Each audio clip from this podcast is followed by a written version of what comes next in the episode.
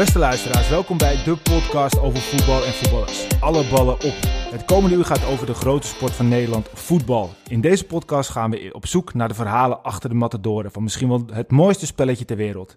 We reizen de komende aflevering het land af om jou meer te kunnen vertellen over jullie helden. Vandaag zijn we beland in Amsterdam. Ik ben Michiel Beemster. Naast mij zit voetbalexpert Michael Rippens. Hij is 21 jaar oud, geboren in Zambia, speelde bij Geimburgia en SV Diemen. Hij is in het bezit van een haasje en draagt met trots nummer 10. Vandaag praten we met niemand minder dan Guus Til. Kijk, is een mooi hè, om het uh, applaus te beginnen. Nou, laten we zeggen dat we de volgende podcast met heel veel uh, mensen zitten. Dan, uh, dan hebben we heel veel applaus. Um, Michael, leg eens uit wie ten eerste instantie jij precies bent. En misschien kan je ons daar eventjes, daarna even uitleggen, want jij bent tenslotte de, de voetbalexpert. Um, wie Guus precies is. Um, ik ben Michael Rippens, 33 jaar oud. En uh, ik ben jeugdtrainer geweest bij FC Volendam en AZ. Uh, negen jaar bij AZ gezeten. En nu uh, begeleid ik wat jongens individueel. En ik ken Guus Til vanuit mijn periode bij AZ. Als klein jochie bij FC Diemen vandaan. daarna eigenlijk zijn hele loopbaan gevolgd. En vooral als zeer intelligente, grappige vastberaden winnaar die uh, niet tegen zijn verlies kan, die goed kan tafeltennissen en uh, nog beter kan voetballen. Nou, dat is al bijna het einde van de podcast. We hebben al bijna alles gehad. Zeker weten. Guus, um, ten eerste bedankt dat je, je onze eerste gast wilde zijn. Um, en uh, kan je je een beetje vinden in het verhaal van Michael? Um, ja, wel redelijk, wel redelijk. Ik heb hem inderdaad ontmoet bij AZ. Nou, misschien nog iets eerder, bij KVB. Toen speelden, speelden we tegen zijn team wonnen we natuurlijk. dat denk ik niet. Maar ik kan me er wel, ik kan me er wel in vinden, ja. Je kan je wel vinden. Want jullie, jullie kennen elkaar dus al best een tijdje. Jazeker, jazeker. Ja, ik, ik moet Guus, altijd als ik Guus zie, los van het feit dat ik nu hem regelmatig spreek en, uh, en mooie dingen met hem doe, maar moet ik altijd denken aan zijn blessure in de jeugd.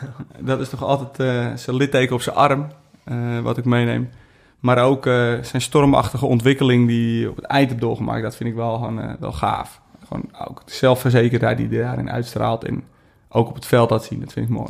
Want, want hoe lang gaan jullie terug dan? Want uh, voor de mensen die, die, die, die Guus misschien een beetje gevolgd weet, weten hoe zijn carrière loopt. Maar we hebben we het dan over tien jaar terug of hebben we het dan over vijf jaar terug? wat, wat is, weet jij de eerste keer nog dat je Michael zag, Guus? Ja, dat was niet, toen speelde ik nog niet baas. En dat zei ik net, toen speelde ik bij de KVB district West 1 of zo. Maar we hadden een veel te goed team. We speelden ook met Pablo Rosario in het team. Het speelde tegen al die kleine ukkies van AZ 112. En we hadden soms uh, een paar beren voorin staan. Dus wij wonnen toen wel. Ik weet dat we verloren hebben met 3-0. Ja. Ik weet het gewoon. Ja, wel. Een ja, ja, ja, ja, was een toernooi uit bij, bij Kudelstaart, bij RKDS. Ja, dat, dat is echt zo. 3-0 verloren. Je nog helemaal gedetailleerd ja. ook.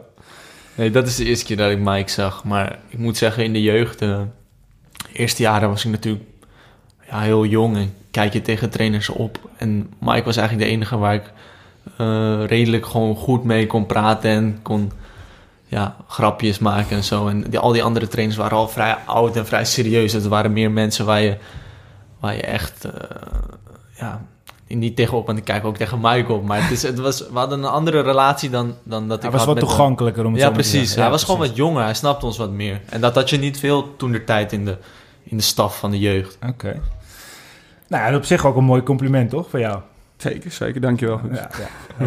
dat blijft ook wel bij, hoor. Eén ja, is één is genoeg. Eén is gaat weer naast schoenen lopen. ja, moeten we niet hebben. Hey Guus, eventjes uh, om te beginnen. Um, eventjes terugnemen. Uh, we willen in deze podcast natuurlijk wat meer laten zien over de, de, ja, de, het verhaal achter de voetballers. Um, in het eerste stukje wat we ook al een beetje uitlegden. Je bent geboren in Zambia. Um, ja. Dat is niet echt alledaags uh, natuurlijk. Kan je misschien uitleggen hoe dat, hoe dat, uh, hoe dat is? Uh, ja, ho hoezo ben jij geboren in Zambia? Nou ja, mijn vader uh, vertrok voor zijn werk naar Afrika en uh, dat beviel zo, zo goed dat, uh, dat ze daar zijn blijven wonen. En ja, mijn ouders hebben vier kinderen gekregen, waaronder ik. En ik en mijn zus zijn in Afrika geboren. En hoe lang heb je daar, daar gewoond? Ik drie jaar. Drie jaar? Ja, ja. En daarna zijn jullie naar, naar Nederland verhuisd? Ja, vanwege onderwijs, want dat was daar natuurlijk niet, niet top. Ja. En mijn ouders wilden wel gewoon dat wij een bepaalde opleiding zouden doen. Oké. Okay. ja, zouden hebben gewoon. En, en, en wanneer, wanneer ben je begonnen met voetbal? Is dat, is dat uiteraard misschien daar de eerste keer een balletje getrapt, maar vanaf welke leeftijd ben je op voetbal gegaan, om het zo maar te zeggen? hoe oud ben je als je eerstejaars F bent? Zes, denk ik, dat weet jij beter. Onder zeven, ja, onder, zoiets. Onder, acht, nu onder acht, onder negen. De ja, ja. Ik, denk dat ik, ik denk dat ik 6-5 was, want ik weet nog dat ik meetrainde, maar dat, ik had toen nog geen kicks. Dus toen trainde ik op mijn bruine oude schoenen van de schoenenreus of zo. Oké. De eerste, eerste ballen zijn geraakt op de oude bruine schoenen van de schoenenreus. ik denk niet op je verjaardag, want je bent jarig in december, dus nee, dat is uh, koud. Nee, en, uh, ja, precies. Dus uh, ja, toen was ik, ik denk vier of zo, maar toen had je nog niet de minis, weet je wel. Toen begon het echt bij de F'jes, dus toen trainde ik wel mee, maar dan mag je nog geen wedstrijden spelen. Oké, okay, en um, wat was als het ware toen in die tijd? Want welke tijd uh, spreken we dan precies over? Wat, welke jaren waren dat? Hoe oud was je toen? Dat is 2003, was je vier? 2004 of zo. En, en, en, was je toen echt al, al met, met voetbal bezig? Had je toen ook al idolen? Of had je toen eigenlijk zoiets van, nou ja, weet je... Toen was het gewoon lekker uh, tegen een balletje trappen. Ik zie het allemaal wel. ja, en dan uh, daarna lekker aatje drinken met mijn moeder of zo. En dan gingen we weer in de auto naar huis. En tennissen? Dat is later pas gekomen. Voetbal was, was wel als eerst. Maar op dat moment had ik nog totaal geen besef dat, uh, dat ik voetballer wilde, wilde worden. Ik weet nog dat ik dan... Uh, dan vroeg ik aan mijn moeder, zei ik, mama, mama, maar hoezo krijgen voetballers dan geen prijzen? Maar mijn moeder wilde natuurlijk niet zeggen dat er veel geld mee te verdienen viel. Dus ze zegt, ja, omdat het teamsport is. Maar ja, ik dacht dat het alleen maar om prijzen ging, bekers, weet je wel, iets tastbaars. Toen, toen dus toen zei ik, ja, maar mam, kan ik dan niet gaan tennissen? Ja, daar verdien je wel meer prijzen mee. Sindsdien dacht ik, zou ik dat niet eens gaan doen? Toen was al de, de winnaar geboren. Ja, precies. en heb je vaak ruzie met je broer gehad? Spelletjes? Zo, ja. Tot vechten aan toe. Ja, die, had het bloed onder mijn naast vandaan. Want die wist natuurlijk dat ik heel slecht tegen mijn verlies kon. Dus als we dan aan het tafeltennissen waren of zo. Maar ik was natuurlijk de kleinste, dus dan als het een beetje spannend werd. Dus dat zo'n heel kort balletje. En dan moest ik over de tafel heen en daarna heel diep spelen. En dan, ja, dat, dat liep, uh, liep niet goed af, kan ik je vertellen. En um, op een gegeven moment uh, ben je dus, ben je dus uh, op voetbal gegaan. En uh, kan je misschien een beetje beschrijven, net, net vertelde jullie kwamen elkaar tegen op het moment dat jij voor, de, voor het West 1 KVB-team speelde. Mm -hmm. hoe is dat gegaan totdat je bij AZ kwam? hoe kan je, dat, kan je dat beschrijven, dat traject? Um, ja, ik weet nog dat ik heel lang bij Geinburgje had gespeeld. En als het aan mij had gelegen, had ik daar nu nog steeds gespeeld. Maar het was dat mijn broer zei: Ja, je hebt gewoon talent, je moet bij een betere club. Want uh, ja, Geinburgje staat gewoon minder hoog aangeschreven dan bijvoorbeeld SV Diemen. Ja. Dus toen ben ik naar SV Diemen gegaan, omdat daar gewoon meer kansen liggen om, om het profvoetbal te halen. En uh, uiteindelijk daar een paar jaar gespeeld. En ik weet wel, op het moment dat ik naar Diemen ging, was wel echt het doel van: uh, ik wil prof, naar een profclub toe.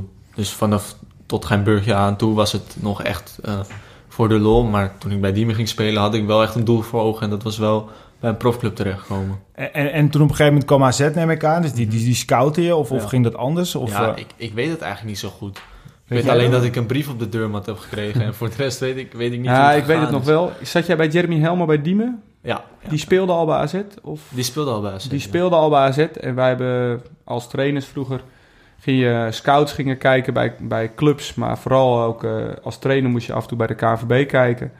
En uh, ik weet nog in dat team, er zaten er nog meer in.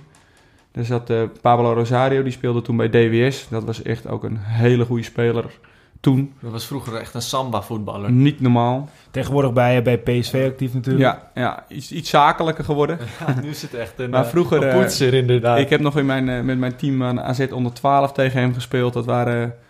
Ik had liever dat hij niet meedeed. Laten we daarop houden. Hij was aardig goed. En Guus zat ook in dat team. En ik weet nog dat Guus toen uh, opviel. En uh, ja, hij was nog niet zo groot. Hij is nu aardig groot geworden. Maar hij was altijd de kleinste een beetje. Ook een jarig in december. Dus het geboortemaand effect was uh, tegen hem. En hoe, hoe kan, je dat, kan je dat uitleggen? Hoe werkt nou, dat precies? Kijk, hoe jonger je bent, um, ja, je groeit allemaal. En dan heb je een groeicurve.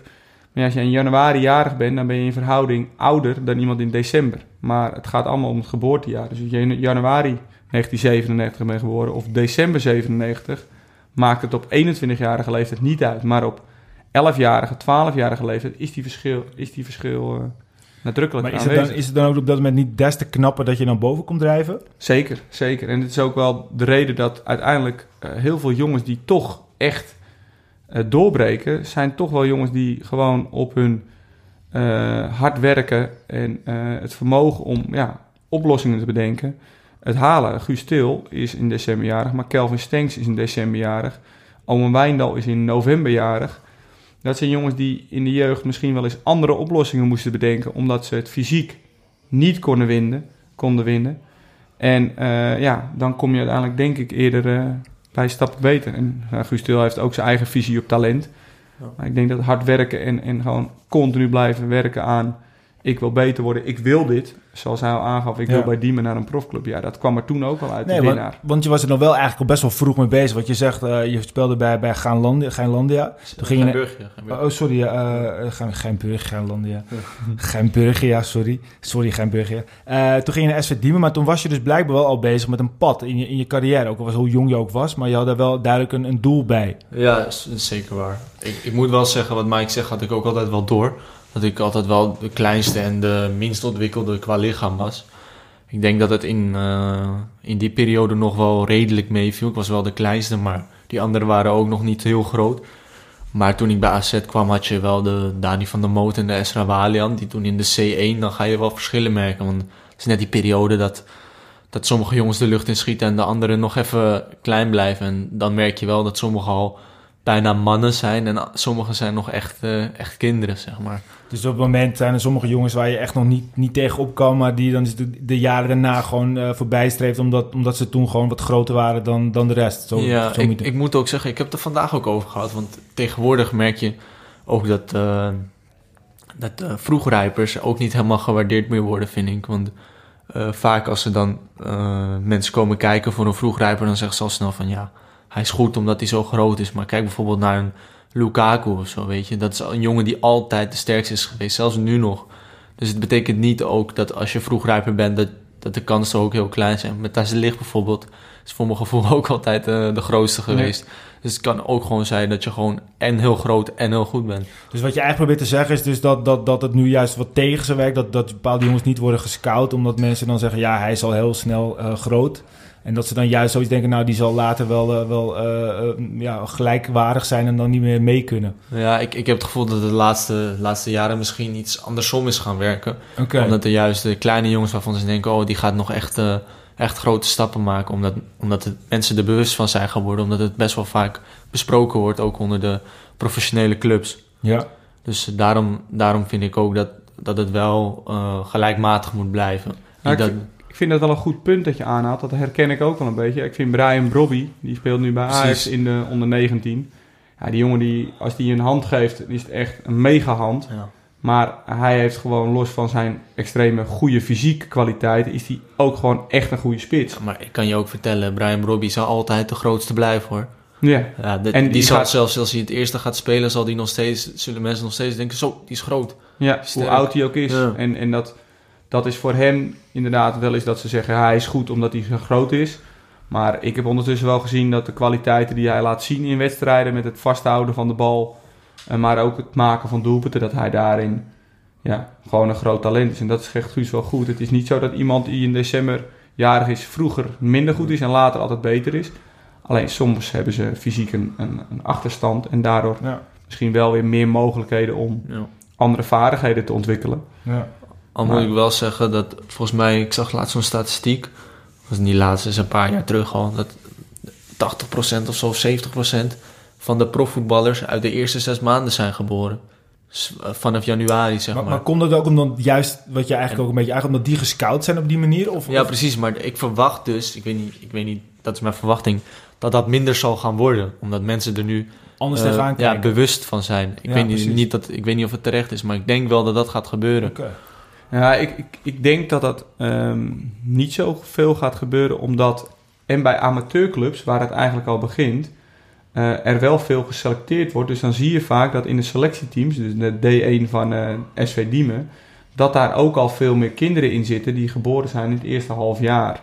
Dus waar selecteert een profclub bij die clubs ja. en is de selectie alweer minder. Alleen denk ik dat uiteindelijk wie het echt gaat bereiken, dat daar uiteindelijk wel weer een, een meer een verdeling komt die eerlijk is. Je ziet het bij Nederlandse jeugdelftallen.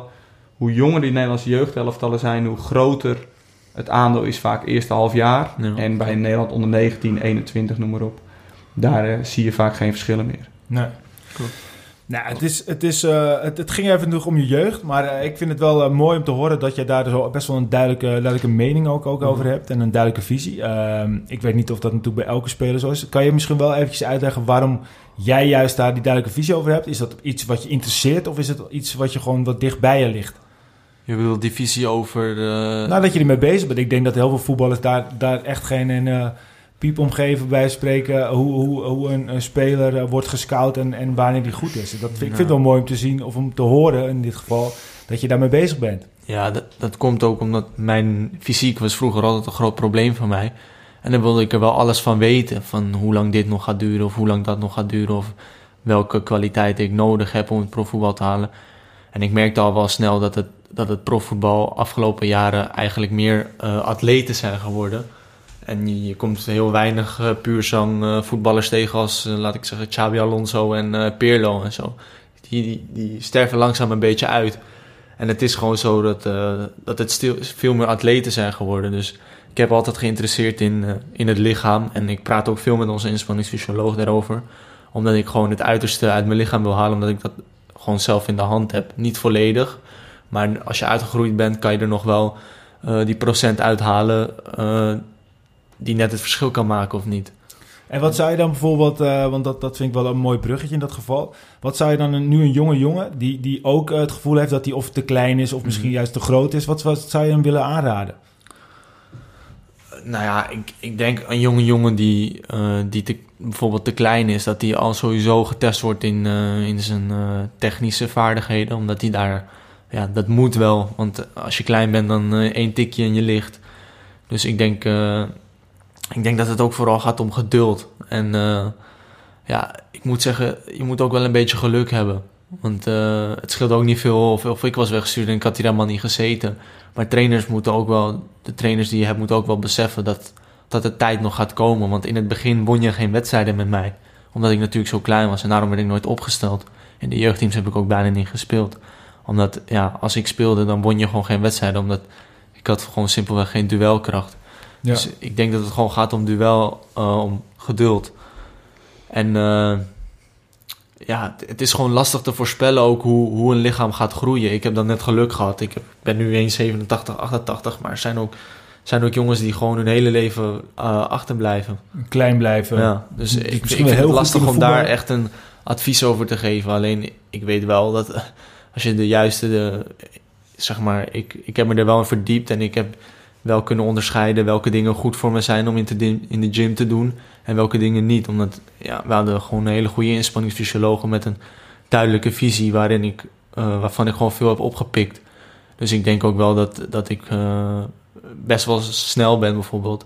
Dat ik daar, dat, dat komt omdat ik er best wel veel heb uitgehaald in de jeugd. En ik denk dat er nog, nog meer uit te halen valt. Ja, ja dat, dat vind ik wel een mooi, uh, mooi ding dat je noemt. Ja, de inspanningsfysioloog Niels Kok, onder andere. Die uh, heeft een mooi schema gemaakt in de zomer. En ik weet dat jij samen met Teun Koopman is keihard hebt getraind deze zomer.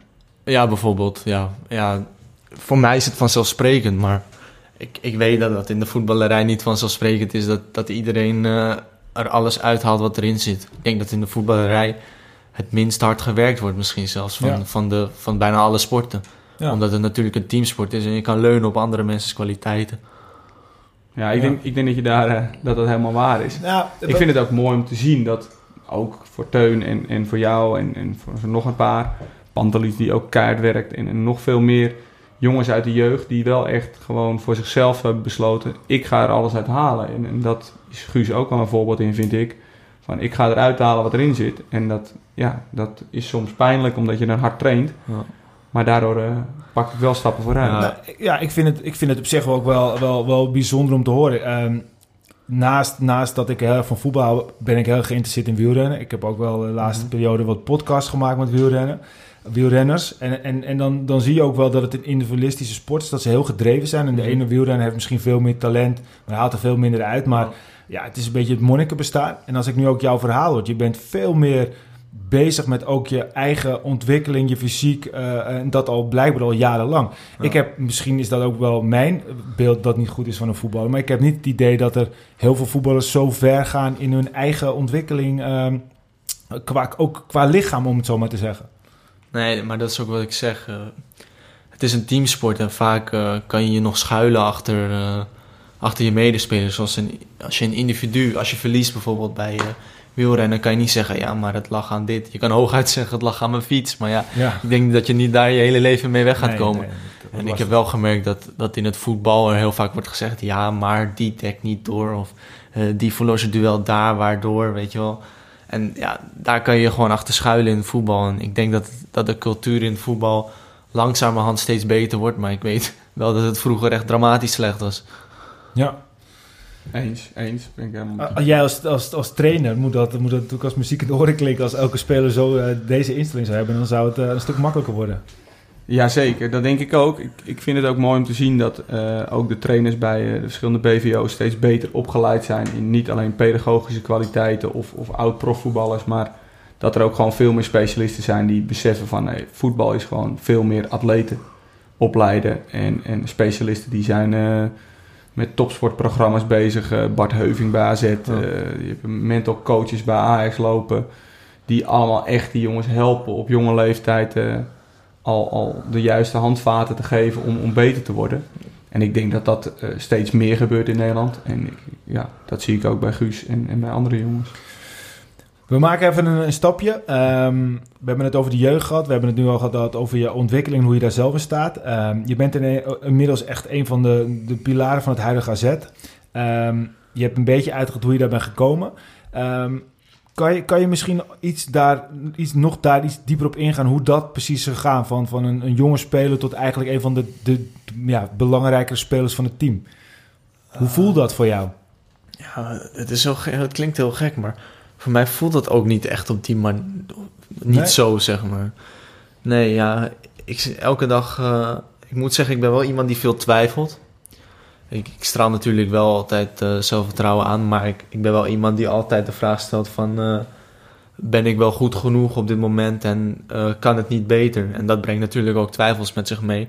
En daardoor sta ik er nooit echt bij stil van... hé, hey, op dit moment ben ik een van de steunpilaren. Je kan mij bijvoorbeeld al triggeren als, als eh, mensen zeggen van... hey, van AZ die en die en die is goed. En als mijn naam dan niet wordt genoemd, dan denk ik... godver, ik moet, ik moet nog erger aan de bak, weet je. Ja, dat soort dingen die triggeren mij zo erg... dat ik er helemaal niet bij stilsta van... eh, dat je een van de steunpilaren van AZ bent.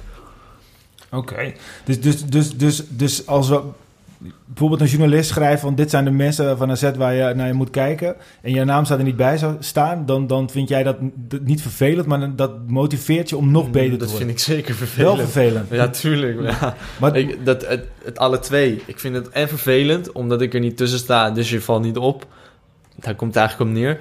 En eh, ze vinden je dus eigenlijk niet de betere van, van het team. Ja, en dat, dat triggert mij enorm al sinds kleins af aan al. En dan, dan heb je gewoon de wil, de drang om, om te denken van... Ik, godverdomme, ik ga ze gewoon tegendeel bewijzen.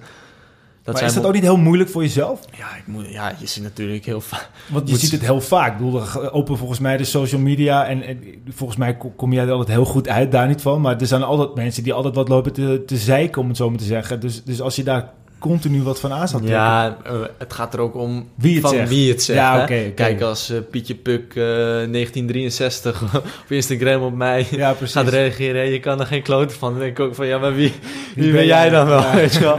Ja, maar als, als ja, een, een krant bijvoorbeeld, of VI of wat dan ook... Ja, dat, daarmee kan je me wel triggeren. Ook al Ja. heb ik me wel eens tegen mezelf gezegd... Guus, je weet het zelf het best. En je moet niet te veel lezen. Alsnog, als je het meekrijgt, ja, triggert je het gewoon. Ja, je krijgt het vanzelf mee, weet je. Ook al, ook al lees ik het niet, ook al, ook al kijk ik het niet, je- het triggert je vanzelf. Of Teun slaat de krant open en die zegt... hey Guus, je hebt eh, vandaag de afgelopen wedstrijd een 5 gehad van de Telegraaf. En dan denk ik al van, godverdomme, ik wilde dit niet weten. Maar nu ik het toch weet, ga ik ze even ongelijk bewijzen. Volgende keer op naar een 8, ja. En, eh, en ik weet dat eh, Leroy Echtold een belangrijke trainer Ja, voor je is ja, geweest. ja, zeker. Zit nu bij Paris Saint-Germain eh, Ja. Frans eh, te Ja, spreken. Maar- Nou, ik denk dat hij geen woord Frans spreekt. Jawel, hij praat al Frans. Hij heeft Ja. vroeger in, in eh, Zwitserland of in Frankrijk gevoetbald volgens mij. Ja, Lee was een mooie fan, man. Want dan zaten we wel eens in de auto. En dan komt, had hij altijd de radio. Dan zei ik, Lee, vind je dit iets leuk? En dan was hij bezig zo naar de radio. Ja, dit luister ik. Maar ik zeg, dat is toch geen muziek, man? Joh, dit maar Lee ging dan meezingen, maar dat kon hij helemaal niet. Die heeft echt... Welke muziek was dat dan? Ja, geen idee.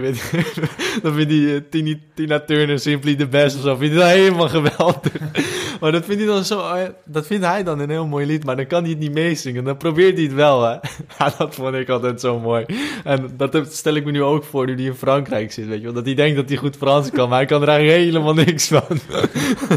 Ja, dat geloof ik eerlijk gezegd wel. Maar Ali was wel een, een trainer die, die jongens echt kon raken. Want wanneer was hij jouw trainer? Op welk moment? Hij is nooit mijn trainer hij geweest, dat is de Nee, grote hij grap. is ehm, assistent geweest bij het eerste van AZ onder Ja? andere. Hij is Mhm. trainer geweest van onder 16.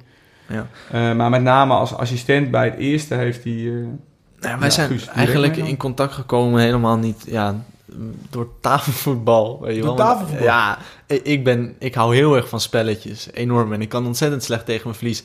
En Lee heeft precies hetzelfde. Dus als ik dan boven kwam, dan ging ik altijd spelen met eh teamgenoten of zo. En als je dan wint, dan kom... Lee was daar ook altijd. Dus dan kom je vanzelf tegen elkaar. En dan merk je gewoon, hey shit man, deze man is vervelend. Oude man van 55, die wil je echt niet van verliezen. Maar hij was ook bloedfanatiek. Maar hij bleek dus ook heel goed te kunnen tafeltennissen. Maar ik moet wel zeggen, ik ramde hem wel echt altijd van de tafel. Maar hij had altijd de, de gave om dan... Dan stond ik 5-0 set, in sets voor of zo. En dan pakte hij die één set en dan liep hij weg alsof hij de Champions League finale had geworden. En dan zat ik in de auto met echt een ongekend kutgevoel. Terwijl ik eigenlijk 5-1 had gewonnen. Maar hij pakte die laatste en dan eh, ging hij weg. En dan zei hij, ik ben kampioen, ik ben kampioen. En dan had ik 5-1 gewonnen, maar zo ik weer een kloot gevoel in de auto. Dan wist, hij, dan wist hij dus weer dat hij echt om me juist mee ook je wel te triggeren. Ja, dus. precies. Dan dacht ik, volgende keer pak ik hem gewoon 6-0, weet je. Hij gaat geen game bij... Bij hem was echt, jongen, ik, ik durfde niks. Geen punt mocht hij pakken. Het liefst versloeg ik hem elke dag met 21-0. Dan wa- maakte hij me zo blij. Ah, Leroy is, is eh, een, echte, een echte strijder ook. En Ja. hij was echt koning in het, het raken van sommige spelers. Of van veel spelers. En Guus was daar ook wel eentje van. Die, die kon hij op scherp zetten voor wedstrijden. Waardoor Guus wel echt het maximale uit zichzelf had. En ik denk dat dat ook echt heeft bijgedragen van misschien wel het stormachtige begin van, eh, van Guus bij, bij AZ1. En, en, en eh, zijn er dan ook nog andere ehm, namen geweest die, die echt gewoon heel belangrijk voor je zijn geweest? Hoeft niet per se trainers te zijn of, of, of Michael die eh, bijvoorbeeld. Maar, maar, maar wat, zijn, wat zijn dan echt belangrijke mensen in, jou, in jouw voetballeven geweest die, die ja, ja, je op een bepaalde manier gebracht hebben waar je nu bent? Of dat Ja, heb je voor het grootste zelf gedaan? Dat zijn er wel een paar. Ik moet zeggen, mijn spelersbegeleider, Bert. Ja, maar dat, ik noem hem expres geen zaakwaarnemer, omdat het gewoon echt een, vriend van me is geworden. Een van mijn beste maten. En ja, die heeft me ontzettend geholpen, ook met mijn carrière. Ik denk eh eh, Koen Stam ook. Dat is de eerste eh, jeugdtrainer die het echt in mij zag zitten. Ik denk dat onder 19 de eerste se- seizoen is geweest dat ik echt heb gespeeld. En dat was onder hem. En ook al speelde ik dan één wedstrijd wat minder, gaf hij me alsnog het vertrouwen om te blijven staan. Eh, van de bron natuurlijk. Ik bedoel, ik heb mijn debuut onder hem gemaakt. Ik heb ontzettend veel aan hem te danken. Maar ik denk dat ik wel aan Leroy echt eh, wel veruit het meeste heb gehad, denk ik. Oké. Die is echt als een soort eh, voetbalvader voor mij. En, en je ouders, die, je, was, je hebt een heel Ja, stabiele ja, ouders ja natuurlijk. ik, kijk- maar daar kijk ik gewoon tegenop. Snap je? Gewoon ook in het leven. Dus dat heeft niet zoveel met voetbal te maken. Ik denk wel dat ik door hun zo ver in het voetbal ben gekomen. Omdat die natuurlijk mijn mentaliteit een soort van gekweekt hebben door de manier van hoe ze mij hebben opgevoed. Maar ik moet zeggen dat ik eh, echt tegen mijn ouders eh, opkijk. Van hoe, hoe zij in het leven staan en eh, hoe zij tegen bijna alle zaken aankijken. kan ik nog echt wel, wel veel van, van En- en leren. dat gaat natuurlijk veel verder dan het voetballen zijn. Dat is Ja, gewoon precies, het- ja. het ik snap ook wat je bedoelt. Dat is het vormen als mens. Ja, En dat, dat, dat is natuurlijk in, in principe nog veel belangrijker dan, dan de, de, Ja. de persoon als voetballer. ja, precies. En dat, dat, gaat, dat gaat een stuk dieper. Ja. We hadden net eventjes over de, de stappen, eh of tenminste over de jeugdtrainer. Mhm. Ehm, de stap van de jeugd, en je gaf ook aan, ik, ik speelde eigenlijk niet heel veel Mhm, bij de jeugdteams. Was die dan niet enorm groot? Ja, ehm, ik denk dat ik eh, in onder 19 in een thuiswedstrijd tegen Ajax of zo maakte ik de winnende. En vanaf toen is het balletje een beetje gaan rollen. Dat mensen bij binnen AZ echt begonnen te denken van... hé, hey, misschien kan Guus serieus wel wat, eh, wat gaan betekenen. En daarvoor had ik eigenlijk altijd het gevoel dat ze me niet echt serieus namen. En daardoor had ik juist nog meer het gevoel van... ik zal ze eens laten zien, weet je. Ja. En vanaf dat moment is eigenlijk echt eh, de ontwikkeling ingezet, denk ik. En ja, ben ik zo... eh, eerste seizoens A was ik altijd super sub. Dus ik was altijd eerste wissel. Was ik ja, niet heel tevreden mee, maar het was wel een begin in ieder geval. Want in de onder 17 heb ik bijna niks gespeeld, ook niet ingevallen. En eh tweedejaars onder 19 speelde ik, eh, speelde ik alles. En vanaf dat moment ben ik eigenlijk fysiek gaan groeien. Best wel laat dus ook. ja. En eh, dat seizoen ging zodanig goed dat ik daarna te horen kreeg dat ik bij, bij het eerste mocht, uh, mocht meetrainen. Maar dat was zo een enorme boost voor mij dat ik die hele vakantie heb doorgetraind. En uh, ja, uiteindelijk die voorbereiding zo goed had gedraaid, omdat ik, nou ja, dat is iets, de dag van Guus, uh, ik had net mijn school afgerond en uh, het was eigenlijk een beetje kijken van, word ik profvoetballer of ga ik een maatschappelijke carrière? Toen dacht ik van, ja, het is nu of nooit, weet je. Hier heb je al, al die jaren voor gewerkt en dan ga je nu knallen ook. En ja, dat lukte en zodoende kwam ik bij de selectie en heb ik me steeds verder naar boven gewerkt. En ja. uiteindelijk basis. En, en uiteindelijk is het dan ja, in de ogen van, een, van een, iemand die dan gewoon AZ zet volgt, best wel snel gegaan volgens mij. Want, want hoeveel jaar zat er tussen je, je, eerste interland en, en je debuut in het, in het eerste elftal? Zo. Dat is een moeilijke, een moeilijke vraag.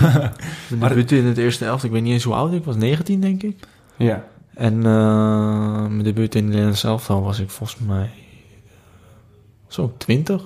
Moet dat niet echt gewoon een bizar jaar voor je zijn geweest? Dat je dacht van, wat, wat gebeurt er allemaal? 21 trouwens. 21, 21 was ik ja. Ja. Maar dan nog twee jaar tijd. Uh, ja. van, van, van eigenlijk de eerste keer in AZ1... Ja.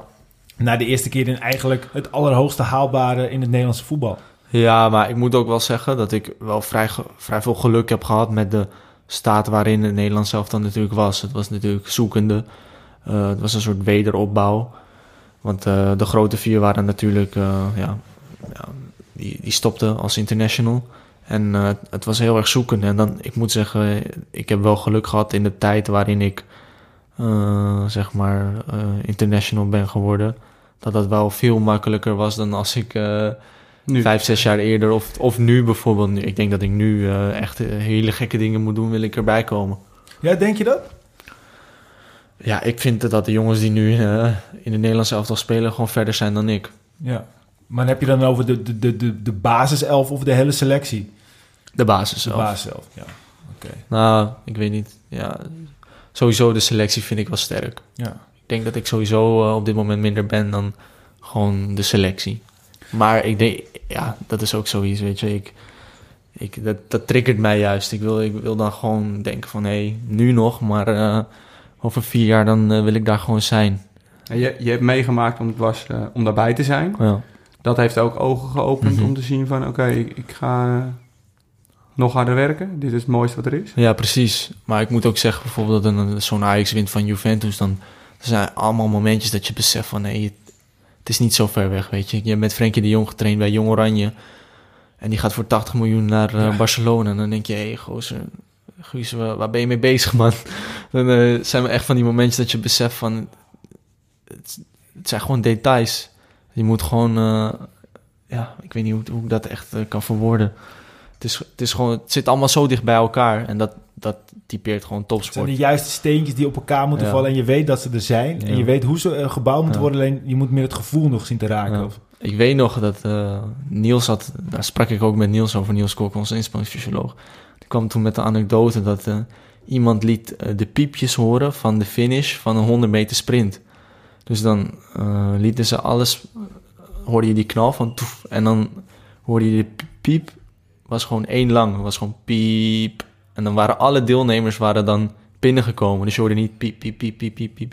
En dat betekent dat de verschillen dus zo klein zijn, dat het echt om details gaat. Dat het gewoon om ja, uh, 0,1% gaat. Als dat je kan helpen, dan kan je al een, een honderdste sneller lopen, bewijs van. En, ja, als je ja. 300 snel loopt, dan kan je eerst of vierde worden. Ja, precies. Dat, dat, zo klein zijn die verschillen. Al zit in de 100 meter natuurlijk wel echt extreem. Ja.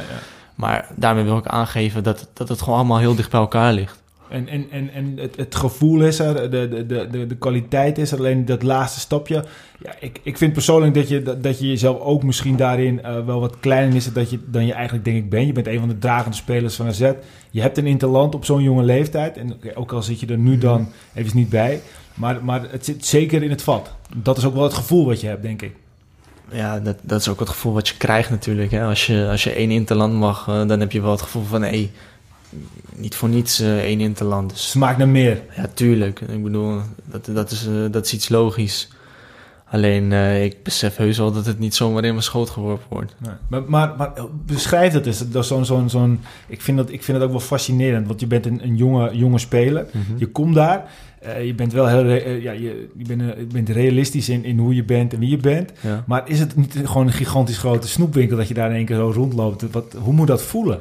Ja, zo eigenlijk. Dat je denkt, wat, wat, wat de fuck, doe, hoe, hoe, hoe, is dat gebeurd? Of, Ja, of- ik, ik moet ook zeggen, ik heb die hele trip geen woord gezegd. Alleen maar gekeken en geluisterd en ja geknikt. Van, ja, van, van nature ben ik eigenlijk eh, een hele... Als Guus niks zegt, is het bijzonder. Ja, precies. Ben ik heel druk en best wel koppig. En als mensen wat tegen me zeggen, dan ga ik erover nadenken. En eh, 9 van de 10 keer ga ik er nog tegenin ook. Maar dat was, bij deze trip was dat niet het geval, laat ik het zo zeggen. Ik was zo onder de indruk dat, eh, dat ik vond dat ik, eh, ja, dat ik me een andere houding moest geven dan ik normaal, eh, normaal doe. Want ja, die, die, die positie zat ik gewoon eh, simpelweg niet. En wat waren dan bijvoorbeeld eh, spelers die meteen eh, eh, eh, je een gevoel gaven van oké, rustig aan, weet je, eh, relaxed, ontspan? Of, of, of was dat niet echt zo? Jawel, jawel, Ja. jawel. Ik kwam binnen bijvoorbeeld en eh, Memphis eh, die gaf me meteen de hand van hey, hoe is het en zo. En ja, gewoon eh, echt topgasten allemaal, één voor één. Ook al, ja, weet je wat het is? De media eh, schetsen zo rare beelden van die jongens. Terwijl, en dan ga je het nog geloven ook. En dan kom je binnen en dan eh, is het eigenlijk heel anders dan, eh, dan mensen schetsen. En dan, dat, dat helpt je ook wel weer eh, relativeren over wat, wat alle mensen over je zeggen, weet je wel. Ja. Omdat, dan- omdat het zo... het is eigenlijk gewoon één grote poppenkast. Ja, nee, maar ik, Ja. ik, snap, dit is in het kleine. Kijk, het eerste verhaal wat jij vertelde, dat je eigenlijk veel meer bezig bent, ook met het spelletje zelf, met de ontwikkelingen van het, het beeld van het stereotype beeld van een voetballer is vaak van oké, hij is een voetballer en zo speelt zijn wedstrijd, is niet echt bezig, kan er vaak meer uit halen. Maar als ik jou zo hoor, is dat echt het, het, het volledig tegenovergestelde. En, en eigenlijk zeg, zeg je dat zo ook een beetje. Dus eigenlijk wat je, wat je schetst, dat een, een in het verleden vaak spelers niet eh, hard genoeg met het spelletje bezig zijn geweest. Dat ze er veel meer uit hadden kunnen halen. Ja, ik, ik zeg altijd, voetbal, eh, voetbal loopt enorm achter Ja, op alle andere sporten. Qua, qua mindset. en, en, en dat is op zich ook wel... wel eh, ik ben er wel benieuwd van. Stel, je bent, was geen voetballer geworden. Ja. Je gaf net ook aan tennis. Nou, tafeltennis is ook Ja. natuurlijk, had ook Olympische Spelen kunnen halen. Welke sport had je dan gedaan, denk je? Tennis. Tennis. Ja, en ik was nummer 1 van de wereld.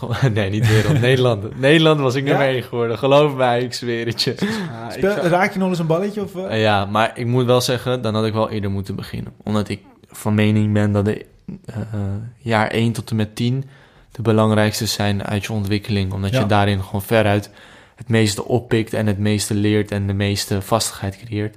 En daarin ben ik gewoon te laat begonnen met tennis. Dus ik, ik, ik had het niet, eh, niet zo ver geschopt als met het voetbal. Omdat ik daar simpelweg gewoon eerder Ja. mee ben begonnen.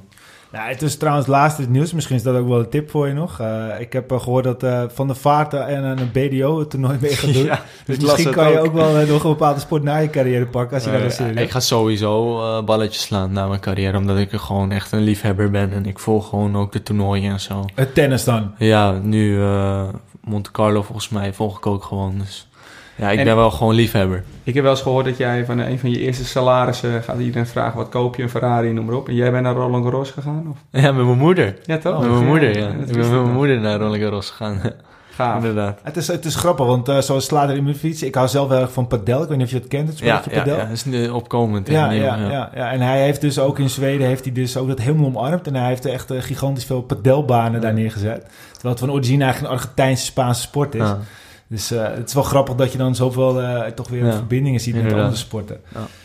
Ehm, nou, we zitten al aardig in de podcast volgens mij. Eh, we, Ja. we kunnen wel twee doorleuren. Dus Ja, eh, da- gaat ons draaiboek eh, kan kijken, naar... moeten Champions League kijken. Ja, precies.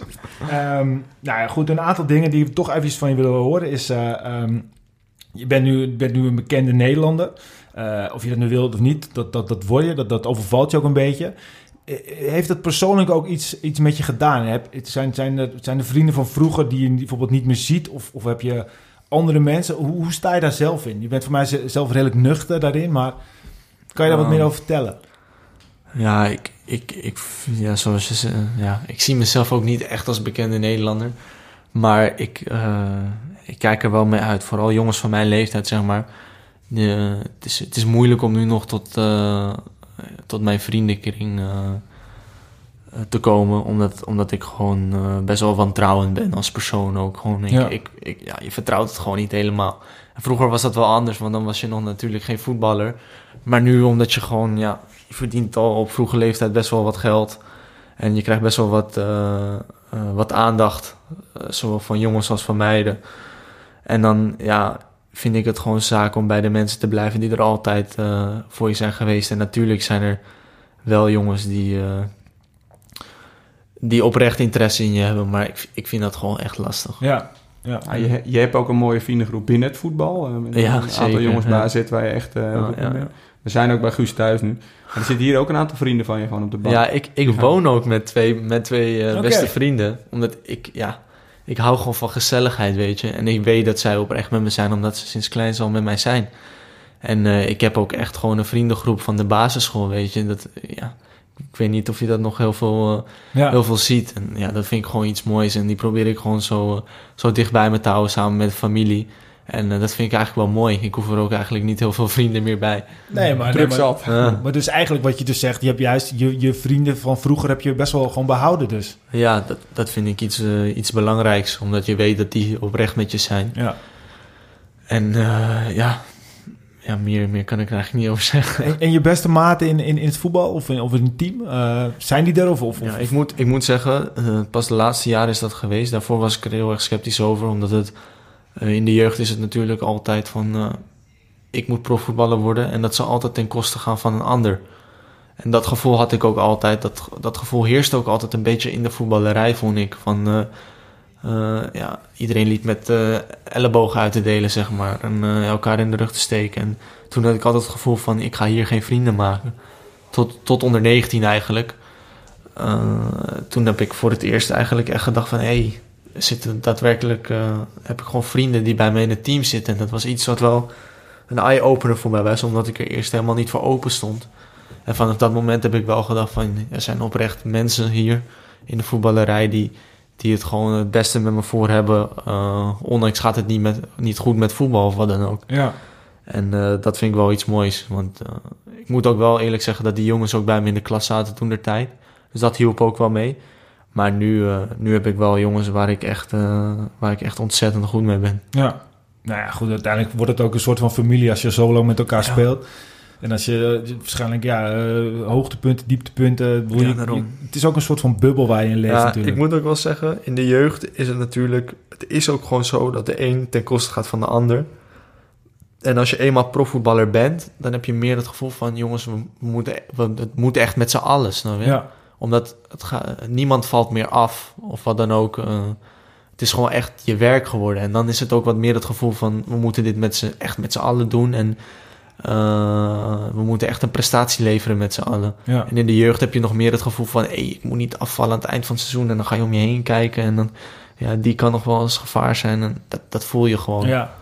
En is dat dan, want dat, dat is ook een beetje wat, wat, wat je vaak hoort bij teams. eh, dat als, als je het gevoel hebt dat je het samen doet, zoals nu Ajax eigenlijk. Je Mhm. kan het misschien niet, ja, vriendenteam, dat kan ik niet inschatten, maar ze doen het wel samen. Ze zijn close, Ja. ze willen het samen doen. Is dat dan ook bijvoorbeeld een van de redenen waar je door net die ene wedstrijd dat jaar wel wint en het andere jaar niet? Bijvoorbeeld, ik, ik- toen ik hierheen ging, vertelde ik tegen mijn buurman, nou, ik ga een podcast opnemen. Toen zei hij, vraag hem eventjes waarom ze nu juist dit jaar wel van wonnen en, en de andere jaren niet. Is dat dan ook juist dat gevoel wat je samen, eh, samen creëert?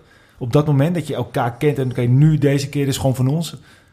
Ja, ik vind dat ook moeilijk te zeggen. Ik denk daar ook veel over na, moet ik zeggen. Want eh, ik, ik, vergelijk het al, ik probeer het altijd te vergelijken met individu, individuele sporten, hoe dat dan kan. Maar ik ben erachter gekomen dat het met teamsport is dat gewoon heel lastig, omdat het team veel sterker is dan het individu. Dus dat kan je helemaal niet met elkaar vergelijken in dat opzicht. Dus als je gewoon een hele goede tactiek hebt en mindere spelers, zal je misschien altijd wel winnen.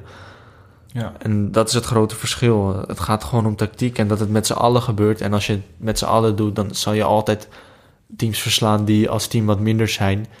Ja, en dat zal in de voetballerij altijd blijven, denk ik. Maar jij denkt niet zoals nu bijvoorbeeld in het hele traject, eh, wat, wat van Ajax eigenlijk een goed voorbeeld is, dat ze Mhm. net dat extra, eh, die 10% extra kunnen geven, omdat ze er samen in geloven. Ja, ik, ik, kan mij, ik kan het persoonlijk niet in mijn kop krijgen om er niet alles uit te halen. Ja. Dus ik denk dat ik de verkeerde ben om dat, da- daaraan te vragen. Dat zit niet in jouw karakter. Nee, ik zal altijd, Altijd. 100% geven. Maar ik moet wel zeggen dat ik wel vaak heb meegemaakt dat ik dacht van... nee, die en die en die halen er niet alles uit, waardoor we deze pot verliezen. En uh, onderlinge frustraties, waardoor, uh, ja, waardoor er wedstrijden verloren gaan of waardoor het hele team uit elkaar valt. Ja, dat, dat zie je gewoon vaak. Ja, ja. En, en wie zijn je maten nu bij AZ? Uh, Teun is een echt ontzettende maat van mij. Panta is echt ook echt... Ja, dat zijn gewoon een van mijn beste vrienden zelfs geworden. Teun en Panta. Thomas ga ik ook goed mee om. Jeremy ga ik goed mee om. Moet ik even goed uitkijken dat ik er niet één vergeet. Ja. Albert. Albert, Albert ontzettend goed. Jonas Svensson ben ik wel heel goed mee. Albert Goedmanson is later bij Z gekomen, maar is helemaal geïntegreerd. In ja, dit vind ik echt een wereldfan. Is dat. Barcelona-tripje volgens ja, mij. Ja, ja, ja, ja, ja, Barcelona waren. Nee, daar ben ik ook echt ontzettend goed mee. Ja. Alleen weet je wat wel is met voetbal? Ja, als mensen... Uiteindelijk ga je niet meer met elkaar spelen. Het is nu nog maar... Ik, ik durf... Uh, al mijn geld erop in te zetten dat wij uiteindelijk niet uh, 15 jaar lang samen gaan spelen. Nee. Dus je moet het allemaal nog maar zien ook. Hè. Ja, nee, maar dat is ook wel, denk ik, elk traject in je leven. En elke keer uh, kom je weer andere mensen tegen. Dat, ja. dat, dat, dat, zal bij uh, in de voetbalwereld ja, anders zijn. Ja, we gaan, hem, we gaan hem bijna aansluiten. Michael heeft het helemaal gelijk. Hey, um, nog eventjes één laatste vraag voordat we gaan afsluiten. Um, het is ook wel een beetje zo'n standaard vraag, maar ik ga hem toch stellen. Jouw ideale carrière. Je hebt nu AZ, je hebt uh, het haasje heb je binnen, je hebt je eerste in het land. Je hoeft geen clubs te noemen, maar, maar hoe zie je het zelf voor je? Ja, ik vind dat echt zo'n moeilijke vraag, want ik heb geen glazen bol. Maar... Nee. Misschien is dat ook wel het perfecte antwoord. Ja, ja inderdaad. Ik heb Wanneer ben je tevreden als je wat bereikt hebt? Um, ik ben tevreden als ik op het einde kan zeggen van... Hé hey, Guus, je hebt, je hebt er gewoon voor je gevoel alles uitgehaald wat, uh, wat erin zat. En ik denk dat ik dat op het einde niet ga hebben, omdat ik altijd denk dat er meer in zat dan uiteindelijk ja. was. Dus dat is het grote probleem eigenlijk. Ik denk dat ik na mijn, ik denk dat ik na mijn carrière uiteindelijk toch spijt zal hebben en toch zal denken aan dat ene moment dat ik het net even liet liggen. Maar ja, voor mijn gevoel dan. Ja. Dus dat, ik, ik denk, ja, dat is gewoon een groot probleem van mij. Ga ik niet van slapen, denk ik.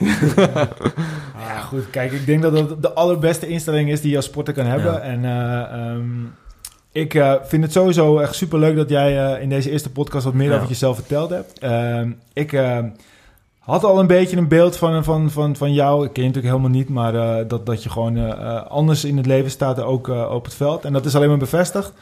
Um, Dank je wel daarvoor. Yes. Michael, het laatste woord aan jou. Ja, Guus, bedankt. Mooi dat we je in je prachtige paleis in ja. Paleis, nu denken mensen dat ik in een of andere... Ja. Guus woont drie hoog. Disney-paleis woon. drie hoog met drie vrienden. hey, en uh, Guus, het laatste woord voor jou. Um, wie zou jij nou straks in de volgende podcast graag willen horen? Als jij zelf uh, de podcast gaat luisteren en denkt, nou, die spelen... Misschien een jonge speler, misschien al wat uh, meer gearriveerde speler... Wie zouden, waar zouden we de volgende keer uh, langs moeten gaan? Nou, ik moet zeggen dat ik laatst uh, erover nadacht van welke voetballer heb ik eigenlijk nooit eens wat van gehoord. En toen dacht ik laatst, dan uh, was natuurlijk niet zo lang geleden dat Johan Cruijff is overleden. En toen was er één iemand die toen een speech hield en dat was Frank Rijkaard. En ik moet zeggen dat ik dacht van, hé, maar dat is zo'n groot voetballer, maar daar hoor je nooit wat van. Ja. En dat vind ik eigenlijk iets heel aparts. En ik weet ook eigenlijk heel weinig van die man. Terwijl ik wel weet dat heel veel mensen hem heel erg adoreren. En, Absolute ja. held. Ja, daarom. Ja, en ik zou daarom heel graag zijn. meer over hem willen weten. Omdat ik gewoon simpelweg heel weinig van hem, van hem weet. En ik die speech gewoon ontzettend mooi vond. Waardoor ik dacht van, hé... Hey, wie is... Ja, niet wie is deze man, want ik ken hem natuurlijk. Maar wie is hij inhoudelijk, weet je? Wie is hij echt? Ja, precies. Ja, achter de, maar achter ik denk dat dat wel moeilijk wordt. Dat wordt voor ons... Uh, je hebt ons nog even bellen. Ja. Ik bel eerst wel Lionel Messi, want die kent hem ergens van. Ja. je legt jezelf wel druk op en op deze manier ook om. Ja, ja, ja, sorry. Straks moet denken Frank Rijkaard. Nou, wat boel, we kunnen het al proberen. We gaan bellen. Of het aankomende aflevering, oké. Okay. Goed, nou, nogmaals, uh, Guus, hartstikke bedankt. Uh, daarmee zijn we alweer aan het einde gekomen van deze eerste aflevering van Alle Ballen Op. Um, Guus, wat ik net al zei, uh, prachtige verhalen. Mm -hmm. uh, en uh, we hopen dat we de komende aflevering nog veel meer mooie verhalen gaan horen. deze podcast is onder andere te beluisteren via iTunes en Spotify. Hebben jullie genoten? Nou, geef ons dan een mooie recensie op iTunes of op de andere podcast-app. Die kunnen ze allemaal vinden via de, de App Store. Hebben jullie vragen en, en of verbeteringen? Laat het ons dan weten. Je kan mij bereiken, at Michiel Beemster via Twitter. En via Instagram, at Michiel Beemster en at Michael Rippens. En als ze jou een, een vraag hebben, Guus, dan kunnen ze bereiken via... Ed Gestil. Reageer je snel? nee, dat niet. Oké, okay, dus stel, soms, stel soms. die vraag maar ons. In ieder geval bedankt voor het luisteren en tot de volgende Alle Ballen Op!